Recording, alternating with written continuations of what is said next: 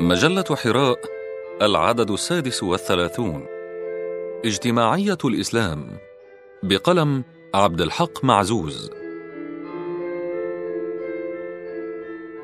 لقد بلغ التشريع الإسلامي الذروة في الكمال والإتقان والغاية في الإبداع والإحكام ويكفي في وصف ذلك ما ذكره ربنا في كتابه في أخريات ما نزل به القرآن الكريم عندما قال اليوم أكملت لكم دينكم وأتممت عليكم نعمتي ورضيت لكم الإسلام دينا. فلم يترك شرعنا صغيرة ولا كبيرة إلا وبين حكمها وطريقة التعامل معها ومما حرص عليه دين الإسلام تقوية الأواصر وتعميق الروابط بين بني الإنسان في أي مكان كانوا وفي أي زمان عاشوا. فلا ينبغي لمجتمع أن يعيش مفككا ولا يليق بفرد أن يعيش منعزلا. إذ الأول حريص على رعاية الفرد والفرد حريص على الارتباط بالمجتمع. وهذا ما يضمن حياة أفضل لجميع الخلق. ويؤسس مجتمعا قويا قادرا على مواجهة التحديات والأزمات المختلفة. مجتمعا حضاريا راقيا يرحم القوي فيه الضعيف ويرفق الكبير فيه بالصغير ويعطف الغني فيه على الفقير ويعطي القادر فيه ذا الحاجة. مجتمعا اخلاقيا متقاربا ومتحابا ومتعاونا على فعل الخير وخير الفعل. إن الدين الإسلامي دين عملي يربط الفكرة بالعمل والنظرية بالتطبيق وليس مجرد خيال يداعب أحلام المصلحين. إن ميزة الإسلام أنه تجاوز بدعوته إلى تثبيت الروح الجماعية والاجتماعية درجة إنتاج الأدبيات التي تركز عليها أغلب المذاهب الاجتماعية. إلى أن فرغ رؤيته المجتمعية في قالب أحكام فقهية ملزمة ما كان لها أن تبرز لولا أن الخطاب الشرعي توجه إلى المسلمين باعتبار جميعي وباعتبار آخر مجموعي. إن هذه الأحكام في مجملها أوحت إلى الفرد المسلم بأن مراد الإسلام منه أن يلتحم بالجماعة ولا ينأى بنفسه عنها ولا يرى نفسه استثناء منها ويبذل الخير كله لها. إن الإنسان في التصور الإسلامي لا يعيش مستقلا بنفسه منعزلا عن غيره. إنما يتبادل مع أفراد مجتمعه الآخرين التعايش والتعاون والتساند والتكافل في أمور الحياة وفي شؤون المجتمع. فالفرد في الإسلام هو فرد وهو في نفس الوقت عضو في جماعة فهو يتحرك بين الفردية والجماعية دون أن يفقد ذاتيته. وإنما يصبح قادرا على التسامي فينتقل من الأنانية إلى الغيرية. ومن تحقيق مطامعه الخاصة إلى رعاية الجماعة والتضحية من أجلها.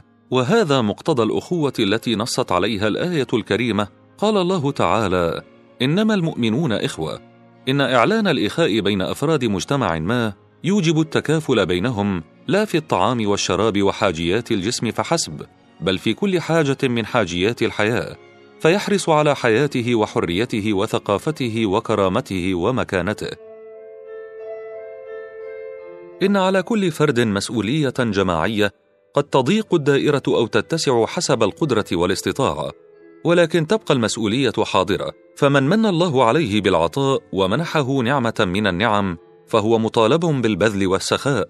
وهذه اجتماعية الإسلام وهذه ثقافة المسلم الحق. إن على الكل أن يدرك أننا في السفينة نفسها. وعلينا العمل جاهدين للأخذ بيد أفراد هذه السفينة حتى نضمن الأمن والأمان الذي هو مطلب أساس للرخاء والاستقرار. لقد وجه الإسلام الاهتمام إلى فئات عريضة من المجتمع ممن تظهر عليهم الحاجة والفاقة أو العجز والمرض أو العاهة والإعاقة. وإذا أردنا حصر النصوص من القرآن والسنة والآثار التي تؤكد هذا المعنى العظيم لوجدناها من الكثرة بمكان. منها ما هو صريح ومنها ما هو إشارة وتلميح. إن الإسلام قد أولى الطبقات الضعيفة في المجتمع اهتماما خاصا فشرع لهم من الأحكام والوسائل ما يكفل العمل الملائم لكل عاطل والأجر العادل لكل عامل والطعام الكافي لكل جائع والعلاج المناسب لكل مريض والكساء المناسب لكل عريان والكفاية التامة لكل محتاج بغير إسراف ولا تقتير.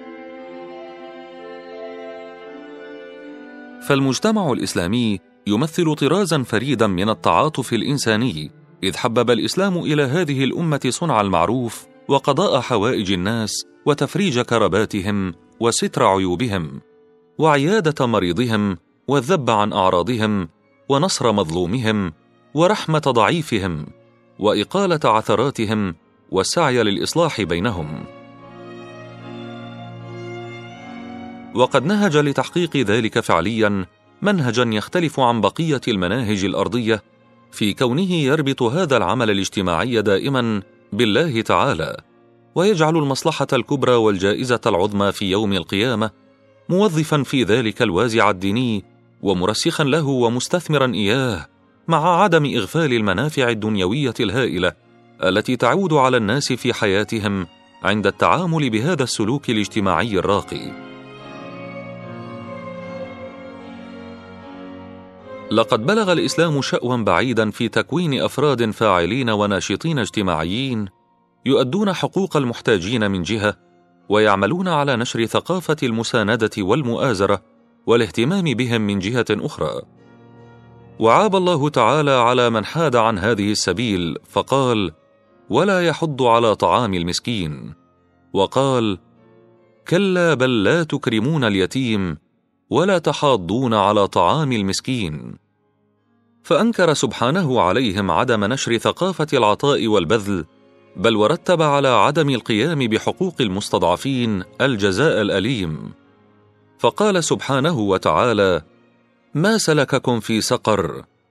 قالوا لم نك من المصلين ولم نك نطعم المسكين. وقد بين الرسول صلى الله عليه وسلم مسؤولية المجتمع عن كل فرد جائع محتاج في عبارة قوية وفي إنذارها للفرد والمجتمع فقال ليس المؤمن بالذي يشبع وجاره جائع إلى جنبه. رواه البخاري. كما وضع لهم الأساس الفكري لقيمة العمل الاجتماعي والبذل والعطاء من كل ما يملكه الإنسان عندما نادى في الناس صلى الله عليه وسلم من كان له فضل ظهر فليعد به على من لا ظهر له. ومن كان له فضل من زاد فليعد به على من لا زاد له. قال أبو سعيد الخدري رضي الله عنه راوي الحديث فذكر من أصناف المال ما ذكر حتى رأينا أنه لا حق لأحد منا في فضل. رواه مسلم. إن ثقافة الاجتماعية وحضارة الإنسانية التي يغرسها الحبيب المصطفى صلى الله عليه وسلم في أتباعه. ولا شك أنها ثقافة وحضارة طبعت بطابع الدين وصبغت بصبغة الإسلام وتلونت بلون الشريعة وعلى قدر عمق الإسلام وشموله يكون تأثير مبادئه في المسلمين الذين يعيشون في إطاره. وكل ما نحتاج إليه هو العودة إلى تفعيل القيم الإسلامية بمفهومها الشامل لتحرك المجتمع وتجعله أكثر وعيا وادراكا للمقاصد الحقيقية للشريعة حيث تتوافق النظرية والتطبيق وتتلاءم العبادة والمعاملة وتتناسب العلاقة العمودية والأفقية عند أتباع الملة وأنصار الأمة المحمدية.